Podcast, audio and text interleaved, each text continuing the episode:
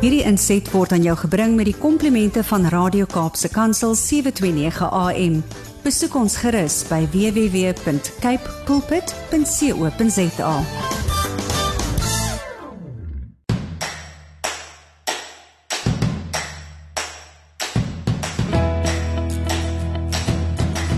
Dit is weer net na 7 op Radio Kaapse Kansel en dit beteken jy luister na Landbou Landskap. Ons saai uit op 729 AM en wêreldwyd op die internet. Hartlike goeiemôre van my Willem van Jaarsveld, jou gasheer tussen 7 en 8 elke Saterdagoggend. Ek hoop jy en jou familie is vanoggend nog gesond. Ons het sopas verdere aanpassings aan die COVID regulasies gekry wat daarop dui dat die situasie werklik ernstig is in Suid-Afrika en dat ons almal ons deel sal moet doen om onsself en ander so ver moontlik te beskerm teen die virus. Ons bid elkeen wat siek is 'n vinnige en volkomme herstel toe uit die hand van die groot geneesheer, Jesus Christus. Dit is vir my 'n voorreg om met jou te gesels oor landbou sake hier op Radio Kaapse Kansel en in vanoggend se program die volgende. Om 10 voor 7 oudergewoonte saad vir die saaier en van môre lees ons 2 Korintiërs 1 vers 20. In Kapstok wat aan die beurt kom so teen 7:20 kyk ons na 'n paar nuuswaardige sake wat die oog gevang het en in huis en hart gesels ons weer met Henny Fritz van Approach Consulting oor die poppiewet en vandag kyk ons meer spesifiek na dinge waaraan werkgewers aandag behoort te gee om te voldoen aan hierdie wet. François Knowles, die registreer van landbouprodukte uh agente, lig ons meer in oor IPAC en ons sluit huis en hart af met ons gesprek oor uh, koolstof met professor James Blighnout. Vandag gesels hy oor koolstof vaslegging. Landbou landskap word afgesluit met stories van hoop wat omstreeks 10 voor 8 aan die beurt kom en vanmôre hoor ons die hart van 'n jong boer uit die Tsanin omgewing van Limpopo. In aansluiting by ons afgelope reeks oor familieboerderye, deel Zander Ernst met ons sy ervarings in so 'n familieboerdery, die allesbeste boerdery van daardie omgewing en die redes vir hulle sukses daarmee. Ek glo daar is heelwat van ons luisteraars wat self 'n storie het. Uh, 'n storie van hoop of sommer net 'n baie mooi getuienis om met ons te deel. Uh of dan weet jy van iemand wat so iets het en dit sal graag sal wil deel met ander mense. Hoe ook al, ek sal graag van sulke mense wil hoor, met hulle kontak maak en dit dan uitsaai. Uh u is baie welkom om met ons daaroor kontak te maak deur middel van ons WhatsApp en Telegram nommers, die SMS nommer en dit verskaf ek so deur die loop van die program van tyd tot tyd. Bly ingeskakel. Landbou landskap word aan jou gebring met die komplimente van Cape Pots varsprodukte mark. Ek nooi jou graag om met ons te gesels deur middel van ons WhatsApp en Telegram nommer 081 729 1657 of stuur 'n SMS na 37988 en begin jou boodskap met die woord landbou. Ek wil baie graag van jou hoor, wat is dit wat jy geniet? Waarvan sal jy meer wil hoor? en sommer net in die algemeen gesels met my dan is dit daarom nie 'n uh, eenman vertoning van een kant af nie. Kom ons maak dit 'n gesprek. Bly ingeskakel ons gesels net hierna verder. Jy luister na landbou landskap op radio Kaapse Kansel op 729 AM en ons kan ook gehoor word wêreldwyd op die internet. Ek wys u graag daarop dat uh, soos u seker nou al teen hierdie tyd gehoor het, uh, meeste van ons onderhoude word per telefoon of elders elders opgeneem waar uh, die toerusting met ander woorde nie noodwendig die is wat in die ateljee gebruik word nie en dit maak maar dat daar uitdagings kom. Uh soms waai die wind en soms is die syne nie lekker sterk genoeg nie of hulle kom en gaan en dan kry jy so die ou staan te ver van die mikrofoon af of hy kom nader, dis daai geluid wat jy hoor. Maar uh verdra ons asseblief, ons probeer ons uiterste bes om vir jou 'n goeie kwaliteit te gee met die uh, klank saam. Uh vervolgens 'n stukkie musiek en daarna kom ons by vandag se saad vir die saaier. Dit is nou tyd vir saad vir die saaier en onder die opskrif die beloftes van die Here lees ons 2 Korintiërs 1 vers 20. In 2 Korintiërs 1 vers 20 lees ons die volgende: Want hoeveel beloftes van God daar ook mag wees in hom, en dit is Jesus, is hulle ja en in hom amen tot heerlikheid van God deur ons. Wat 'n wonderlike skrifgedeelte Die deur die hele Bybel lees ons van soveel beloftes wat God die Vader deur die jare met sy volk Israel gemaak het. Wonderlike beloftes van gesondheid en vooruitgang, beskerming en vermeerdering. Hy het ook telkens 'n voorwaarde of voorwaardes gestel Deuteronomium 28 is een so 'n voorbeeld waar God die mens voor 'n duidelike keuse stel en die gevolge van die mens se keuse vir die mens voorhou. In 2 Korintiërs 1:20 maak Paulus dit egter duidelik dat elke belofte wat God ooit gemaak het aan Israel ook vir die heidene beskore is, maar dan in Jesus Christus. Paulus sê In Jesus Christus is elke belofte ja en amen. Om deel van daardie beloftes te kan wees, moet ek en jy net een keuse maak. Kies ons om Jesus aan te neem as verlosser en saligmaker of kies ons om dit nie te doen nie? Na gelang van ons keuse deel ons in God se beloftes of is ons daarvan uitgesluit? Wanneer ons egter kies om onsself aan Jesus te wy, val God se beloftes ons toe en word sy heerlikheid getoon deur die uitwerking van sy beloftes in ons lewens. Kom ons neem vandag die besluit om die regte keuse te maak. Ons kies om Jesus as verlosser en saligmaker aan te neem. En vir diegene onder ons wat dit reeds gedoen het, kom ons verbind ons opnuut daartoe om ons eie wil en sin aan die leiding van die Heilige Gees te onderwerp in gehoorsaamheid aan Jesus Christus. Kom ons bid. Vader, ons dank U vir elkeen van die beloftes waarin ons mag deel. Maar meer nog, dank ons U vir die voorsiening wat U gemaak het vir ons swakhede deur Jesus te gee as die volmaakte offer vir ons oortredinge, maar ook as die totale samevoeging van al u beloftes. Buiten Christus het ons niks meer nodig nie. Daarvoor dank ons u in die naam van Jesus Christus. Amen.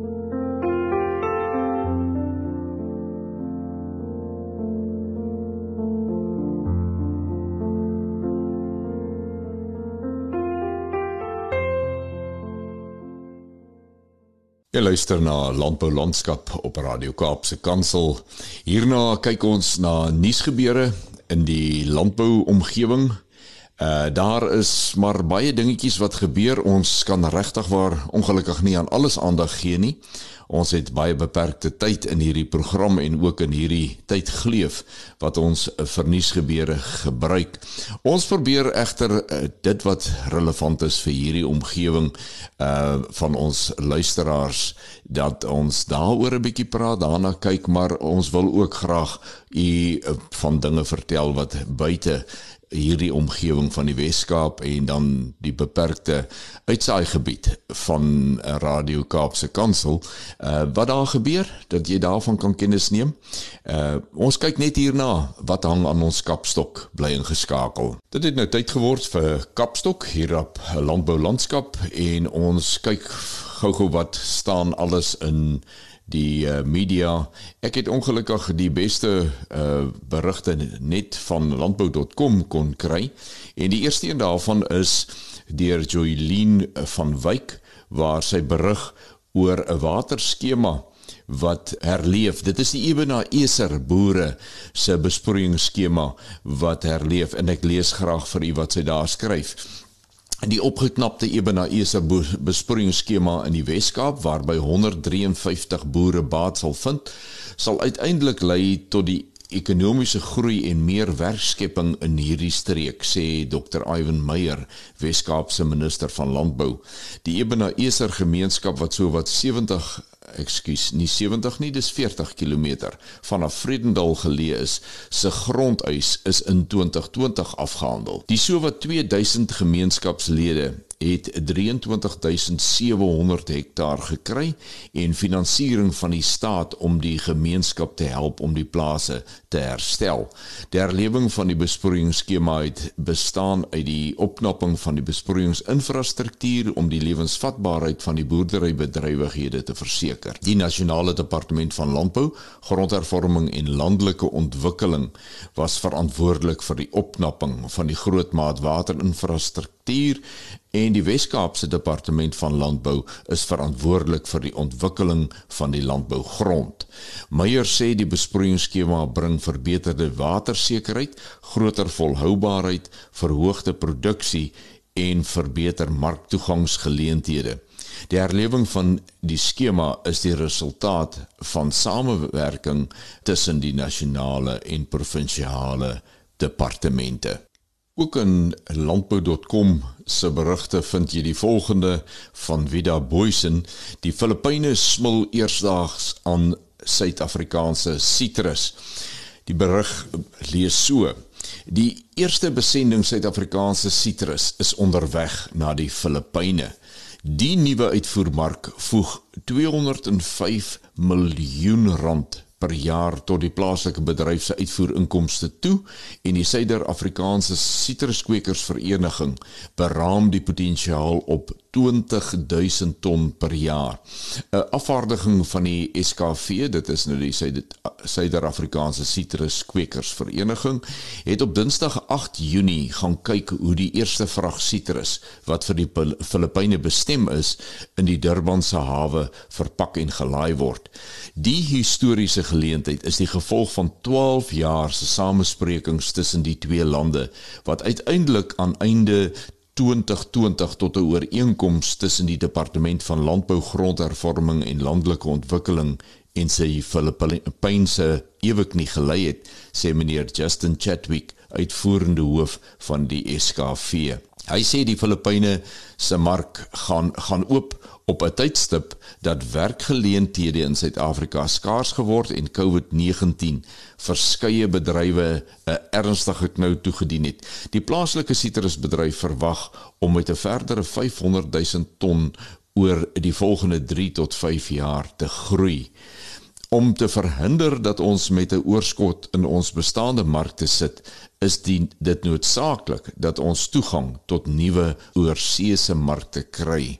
Baie goeie werk gedoen daar, baie geluk. In 'n volgende artikel geskryf deur Alani Janneke onder die opskrif Wat is die kans op swaar sneeu die winter? Skryf sy swaar sneeu neerslaa is die afgelope naweek oor dele van New South Wales en Queensland in Australië aangemeld. Nadat die Australiese Buro vir Meteorologie ver, verlede week aangedui het dat swaar sneeuneerslae en baie lae temperature in veral die twee dele van Australië verwag word. Nou in hierdie berig vergelyk meneer Johan van der Berg, onafhanklike landbouweerkundige, uh die twee gedeeltes die in Australië en Suid-Afrika wat baie sterk ooreenkomste toon. En Alani skryf verder, hy verduidelik dat die grootste deel van die Atlantiese Oseaan wat aan die Suidwes-Kaap grens tot sover as die noordelike dele van Angola van 1 graad Celsius tot 2 grade Celsius warmer as normaal is en dit kan 'n impak op reënval en sneeu hê. Meer vog kan beskikbaar wees wanneer noordweste winde saam met die frontale stelsels voorkom, maar aan die ander kant kan dit weer veroorsaak dat temperature in die boelig nie so koud is nie. Dis lyk dit asof swaar sneeu eers in die tweede deel van die winter kan voorkom wanneer temperature in die Atlantiese Oseaan na verwagting gaan daal. Van der Berg sê gevolglik is die kans op kort tot medium termyn goed vir reën, maar nie noodwendig vir sneeu nie. Wat die res van die land betref, kan daar veral van die tweede helfte van Julie af sneeu begin voorkom oor die Drakensberge. Met die aangrensende Indiese Oseaanse temperature wat koeler as normaal is, kan dit die kans op sneeu in die tweede deel van Julie en in Augustus verhoog. daarmee kom ons aan die einde van Kapstok vir vanmôre. So 'n bietjie 'n draai gemaak uh in in water besproeiing tot en met reënverwagtinge. Huisenaard is vanmôre weer lekker volgepak met baie inligting en lekker gesprekke. Ons gesels uh, vanmôre verder met Henny Fritz van Approach Consulting oor 'n uh, spesifieke goed waarna werkgewers behoort te kyk om aan die poppiewet te kan voldoen. Ons sit ons reeks gesprekke met meneer François Knowles van Apex voort oor die werksamehede van Apex en ons sluit huis en hart vanmôre af met professor James Blighnout wat ons vertel oor koolstof vaslegging. Bly ingeskakel want na die volgende stukkie musiek is ek terug met huis en hart. Ons het verlede week met meneer Henny Fritz van Approach consulting gesels en Henny het ons meer vertel van die Poppy wet, die wet op beskerming van persoonlike inligting en hy het daarna verwys dat daar sekere aanpassings deur werkgewers aan uh, ooreenkomste met hulle werknemers gemaak sal word. Uh, Goeiemôre Henny. Goeiemôre Willem en dankie dat jy weer so lekker vroeg in die oggend met jou uh, gesprek kan voer. En ja, uh, ek dink ons moet viroggend vir die luisteraars sê ons het verlede week gesê daar's veranderings nodig. Kan jy vanmôre vir ons 'n paar spesifieke dinge aandui wat daardie veranderings dan sal behels? Ja, die ehm um, uh, dit is mens kan nie veranderinge natuurlik nou as ek wil die woord gebruik organies beskou, maar dit sou miskien ehm uh, 'n bietjie van 'n verkeerde benadering wees want uh, dit verskil die aanpassings wat spesifiek met 'n werk tussen 'n werkgewer en werknemer uh, gemaak moet word um, hang ook wel af van die tipe bedryf waarin hulle is. Ehm um, kom ek gee 'n voorbeeld 'n uh, 'n dokterspraktyk uit die aard van die saak wat met uh, mense se gesondheidsinligting en nie net hulle persoonlike inligting werk nie sal uh 'n mate van uh enkripsie nodig hê sodat die dokumente nie vir enigiemand toeganklik is nie. Terwyl ehm um, werkers, werknemers op 'n plaas byvoorbeeld ehm um, nie tot daai persoonlike inligting uh toegang het uh, van die derde party nie en dit beteken dus die die verhouding en dit wat neergestip word uh, uh op hulle werkgewer werknemers ooreenkoms sal sal verskil. Maar die, die belangrikste deel daarvan is dat die persoonlike inligting wat die werkgewer versamel, ehm um, wat hy inkry van sy werknemers af, dat dit met integriteit en bewaring hanteer moet word.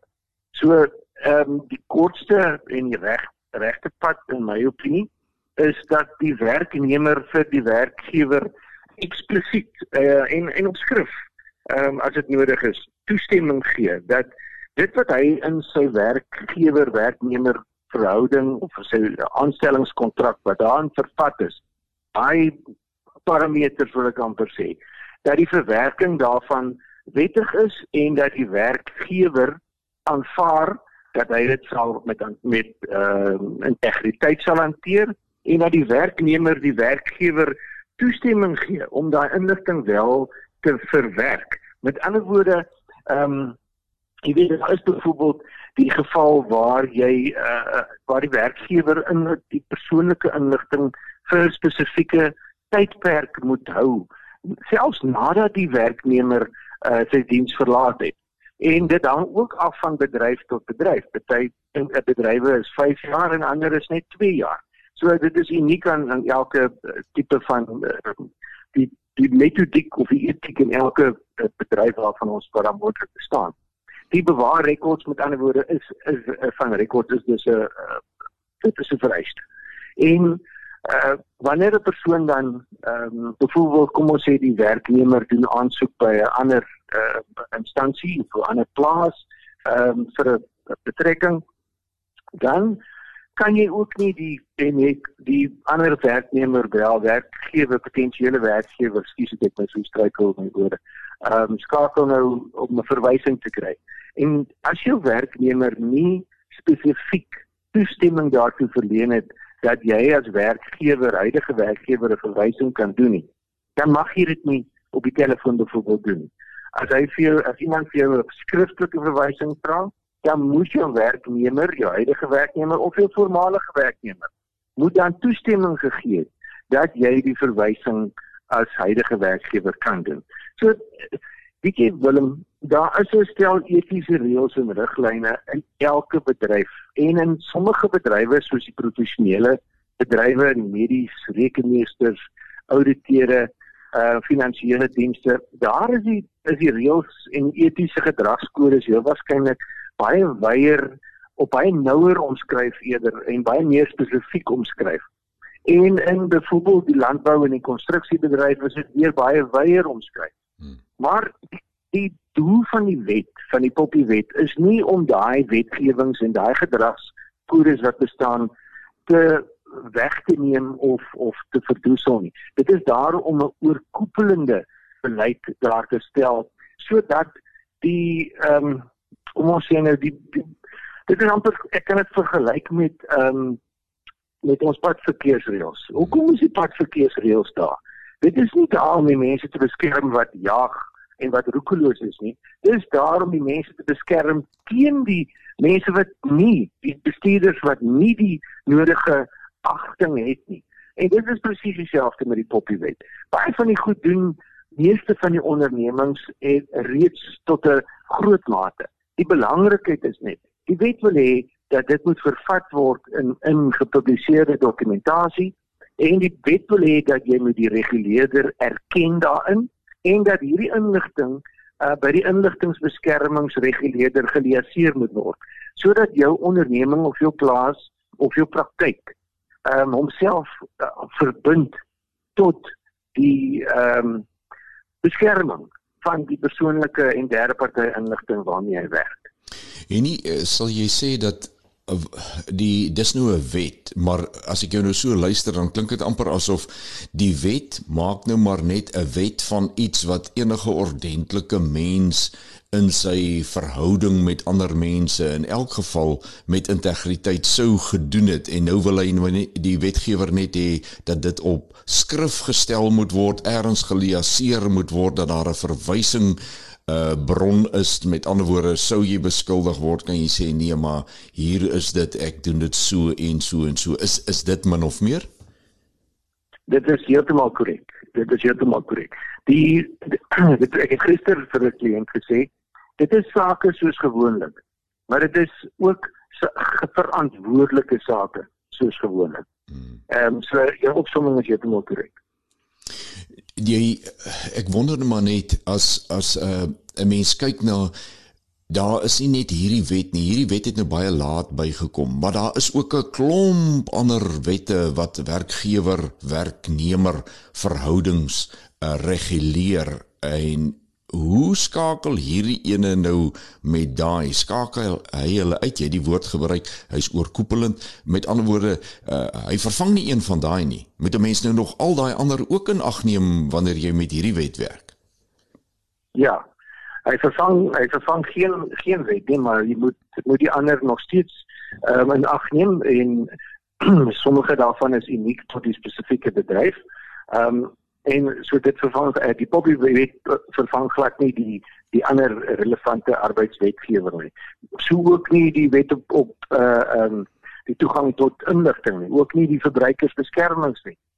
Um maar wat die wat die poppy ek wet wel doen is hy sê dat wanneer jy die inligting van 'n persoon ongeag wat die omvang van daai inligting wanneer jy die persoonlike inligting van 'n tweede of derde party ehm um, hanteer op enige wyse wat jy dit hanteer dan moet jy dit binne daai die verwysingsraamwerk van die Poppy Act doen en soos jy nou nou gesê het jy weet reg ehm um, enige ordentlike ondernemer of ehm um, onderneming het reeds 'n uh, integriteitsgevoel vir vir om dinge reg te doen. Dit is nie iets die wiel is lankal ontwerp, hmm. maar hierdie gaan spesifiek daaroor om die verbruiker te beskerm en die uh, inligting te beskerm teen roekelose en wan wanpraktyke. Uh, wanneer dit kom by die by die uh, berging en uh en die gebruik van persoonlike inligting. Ons sê baie dankie vir meneer Henny Fritz van Approach Consulting daar in Durban wil vir vanmôre se inset weer. Dankie Henny. Ek uh, dink dit gee baie beter uh idee van waar na jy laas net verwys het en uh Ek vra dat die in uh, luisteraars ingeskakel sal bly net hierna as ek terug met die res van huis en hart. In huis en hart gesels ons vanmôre verder met François Nouls van Apex. Hy is die registreer daar. Goeiemôre François. Uh, Goeiemôre Willem en luisteraars. Uh, dankie dat ek weer met julle kan gesels.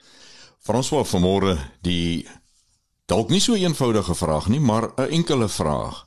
In die omgewing van varsprodukte agente Wat is die tipiese werk wat jy daar sal doen in terme van probleemoplossing en uitwys van wat het nie reg geloop nie? Willem, dankie. Ehm um, dit is baie belangrik om te verstaan dat in die varsproduk agentbedryf ons werk met trustrekenings. Nou 'n trustrekening is soortgelyk aan die rekening wat by 'n prokureur gehou word indien iemand 'n huis aankoop.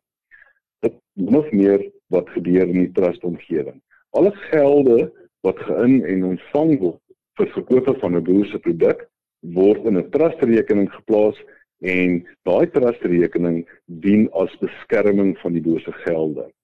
Apex het 'n pertinente rol om seker te maak dat daai trustrekenings korrek geadministreer en opgepas en um, administratief hanteer word. So ons kyk elke maand na die ehm um, balansering, die rekonsiliasie van hierdie rekenings en dis 'n geweldige werk, maar dis 'n baie belangrike werk om seker te maak dat die vloei van geld deur 'n agent na die boer korrek is en dat daar geen afwykings is nie.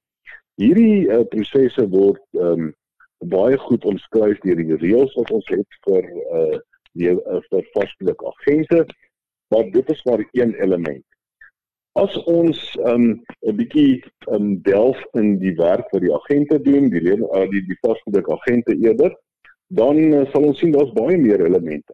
Hulle moet um goeie kommunikasie hê met hulle produsente, hulle moet bepaalde prosesse volg, hulle moet sekere datums en sekere skedules uh byhou in terme van tydrame en dit is van die kort um opsommende goedjies wat ons um na kyk veral in die vasblik omgewing. Ek sou graag vir jou wil vra, jy jy het al voorheen verwys daarna dat jy uh, die administratiewe funksie of een van die administratiewe funksies van Apex is om te kyk na die dokumentasie, die boeke van agentskappe.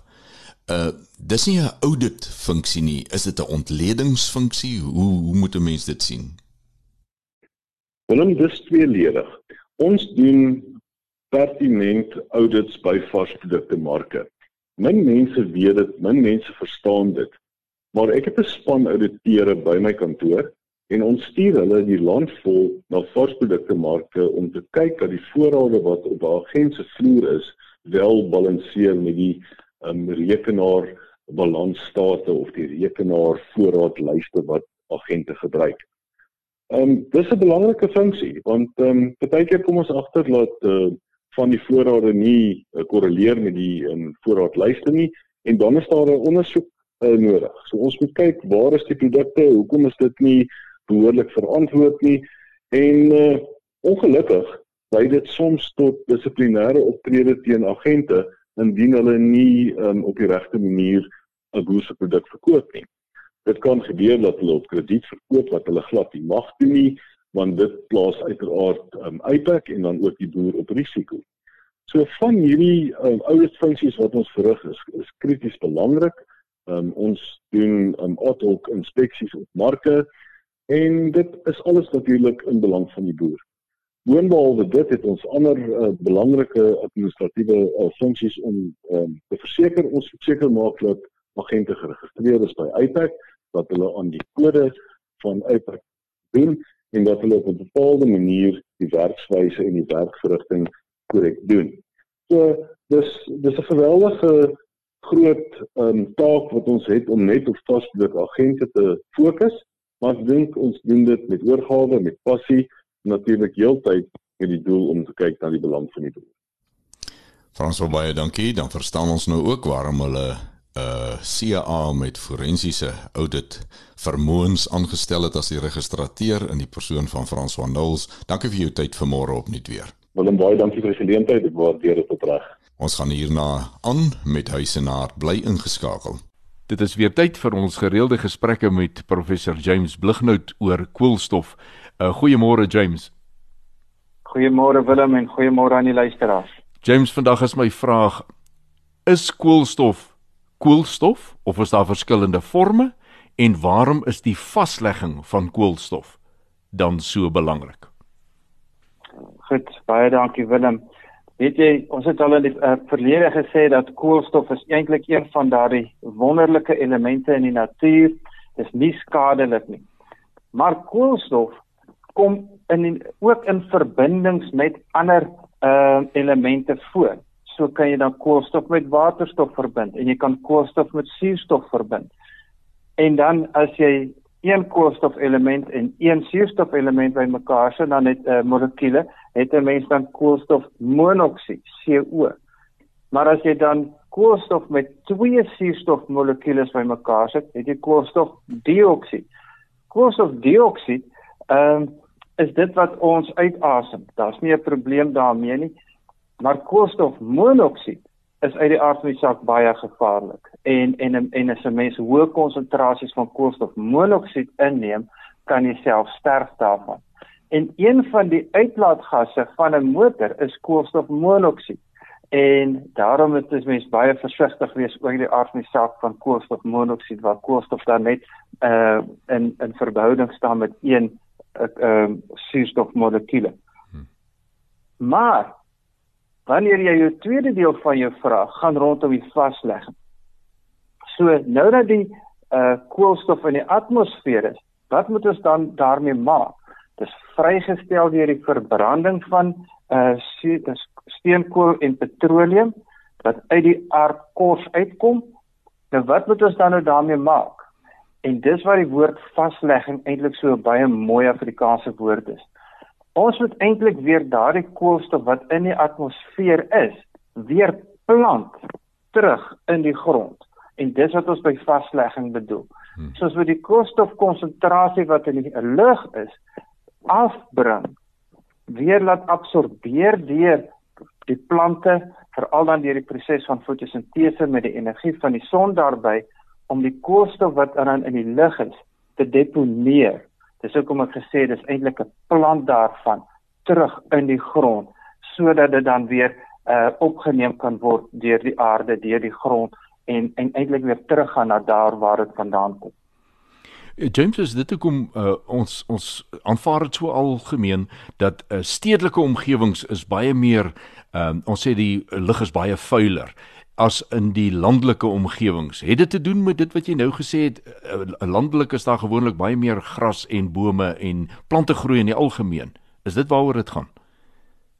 Wel, deels, uh, want daar is uit die aard van die saak dan die plante wat dan deur fotosintese, die proses met behulp van die son waar die plante dan nou die uh, koolstof kan absorbeer en kan verminder, maar uit die aard van die saak is die besoedelingsbronne in die stede baie anders want dit gaan nie net oor uh koolstof, koolstofdioksied, koolstof uh, monoksied nie, maar dit gaan ook oor alle ander tipe van besoedelingsvorms en uh, veral in stede praat ons van die uh van vaste stowwe, particulates, die vaste stowwe wat ehm uh, vir jou die tipe van 'n uh stoflaag laat gee wat so bo oor 'n stad staan.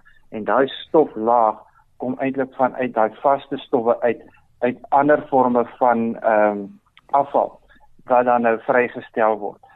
En uit die aard van die saak is daar meer mense daar, daar's meer ekonomiese aktiwiteite daar en daarom is die vrystelling van hierdie ander besoedeling uh, baie groter en is daar ook 'n hoër konsentrasie daarvan.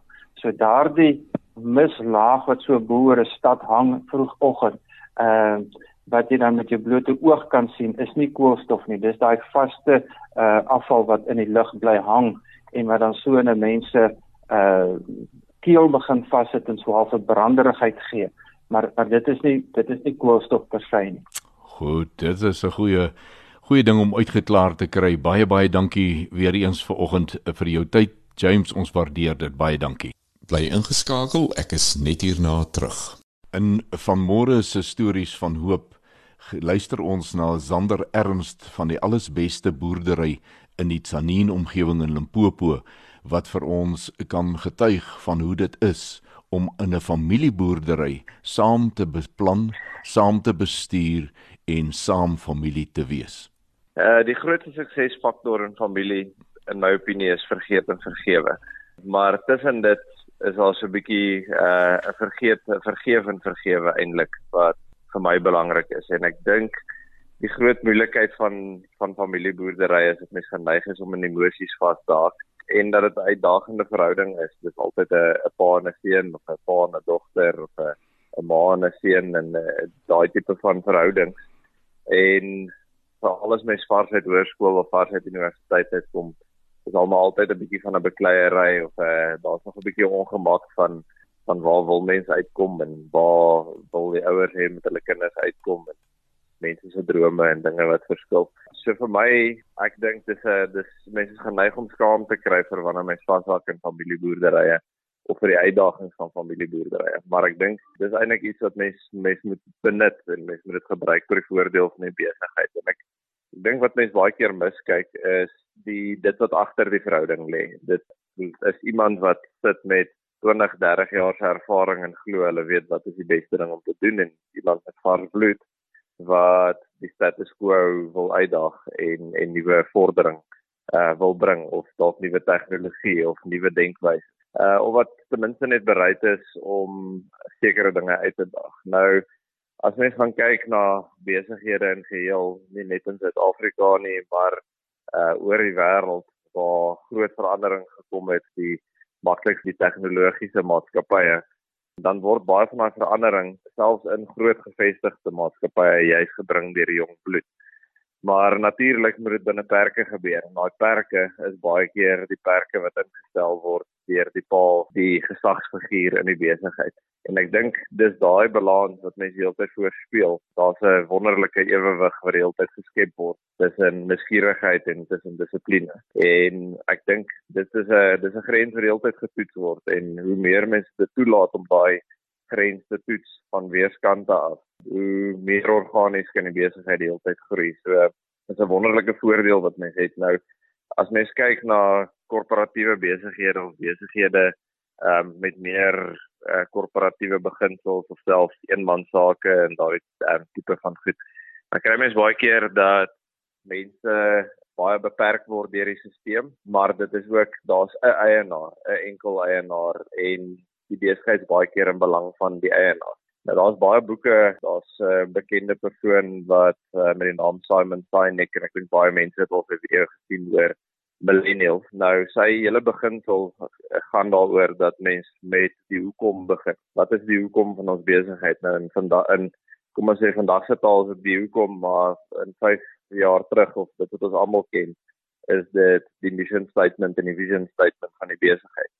So wat is ons visie en as ons in 'n familiebesigheid staan is die visie baie keer geneig om te handel oor die familie en die familie se droom, maar daai drome kan baie maklik baie passievolle drome wees en ek dink dis 'n baie gesonde ding vir groei van besigheid. In die oomblik dat mense dit aan die res van die mense in die besigheid kan verkoop, dan leef almal daai passie en almal glo in daai passie. Maar almal van ons weet dat passie kom met 'n beklei baie keer en dit kom met konflik want ons almal beklei vir ons saak. Nou, ernstig is nogal passievolle mense en ons kan nogal uh ons kan nogal die dak laat reis as ons glo in ons saak. So uh, natuurlik het ons al uit ons raadsaal uitgestap en met groot oë van die ontvangsdame van die of daai tegemoet gekom. Want ons elkeen beklei vir die saak en solank dit vir die saak nie een persoon se visie is nie maar die die visie van die hele groep dan glo ons gewoonlik dis gesonde debat en ons probeer natuurlik vermy om in mekaar se persoonlikheid of daai van goed in te klim. Maar ek dink die belangrikste en waarmee ek begin het die vergeet en vergeef gedeelte gedeelte is om verder te gaan en te sê maar wanneer ons vir die saak in die boerdery beklei dan gaan dit daaroor dat mense uit daai raadsaal uit kan stap en ongeag die konflik wat potensieel daar was uit te stap en te sê maar ons is nog steeds 'n pa en 'n seun verhouding of enige soortgelyke familieverhouding of dit nou oom en neefie is. So uh, op die einde van die dag wil mense daar kan uitstap en sê wanneer ons beklei vir die saak, beklei ons vir die saak en beginsels waarteen dit gemeet word en waar dit besluit geneem word.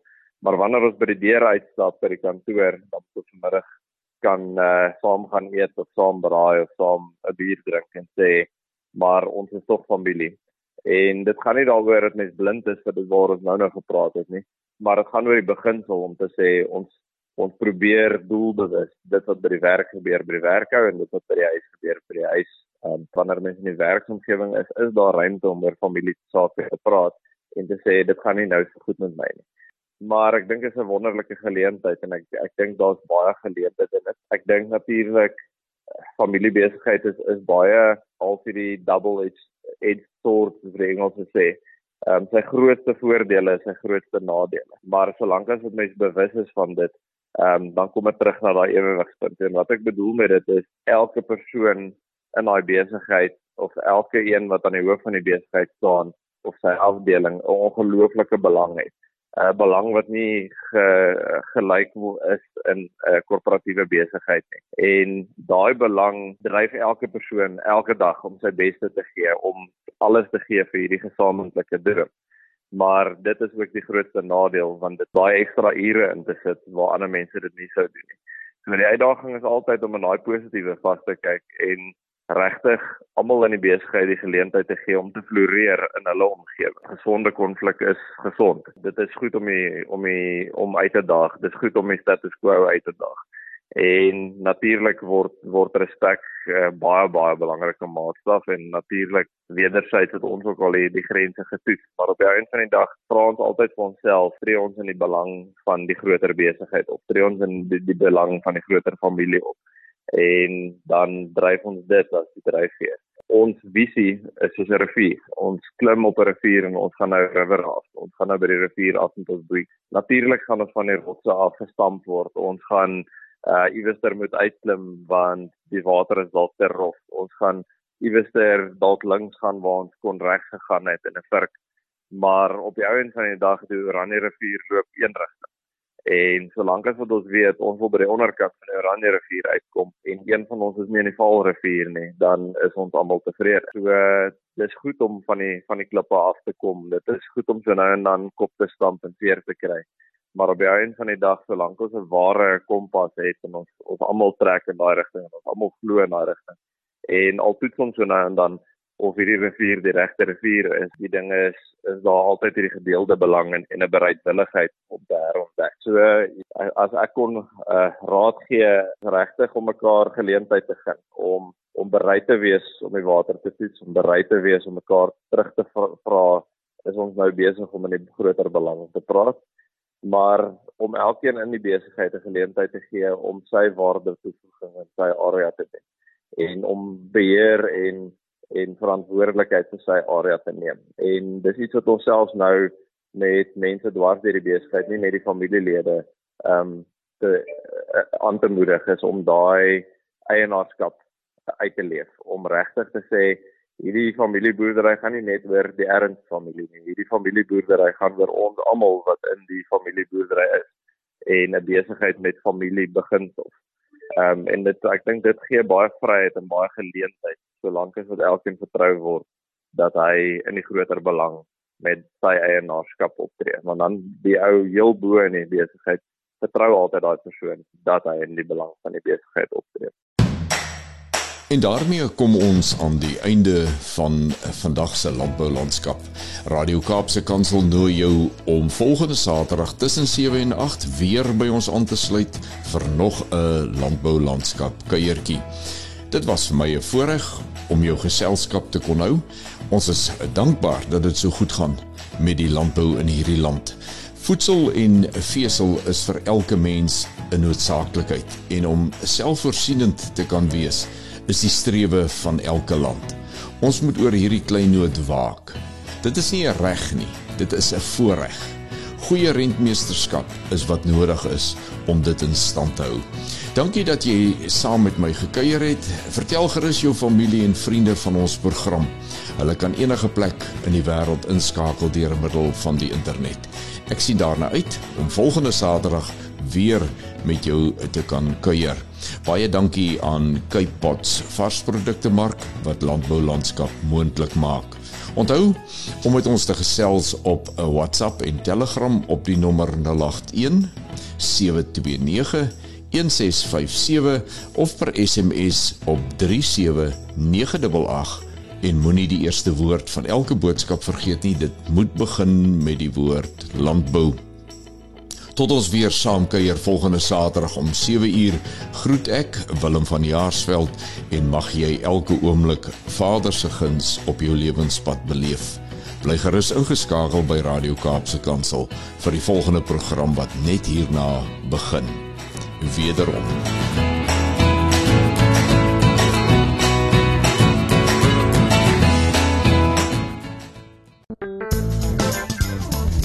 Hierdie inset was aan jou gebring met die komplimente van Radio Kaapse Kansel 729 AM.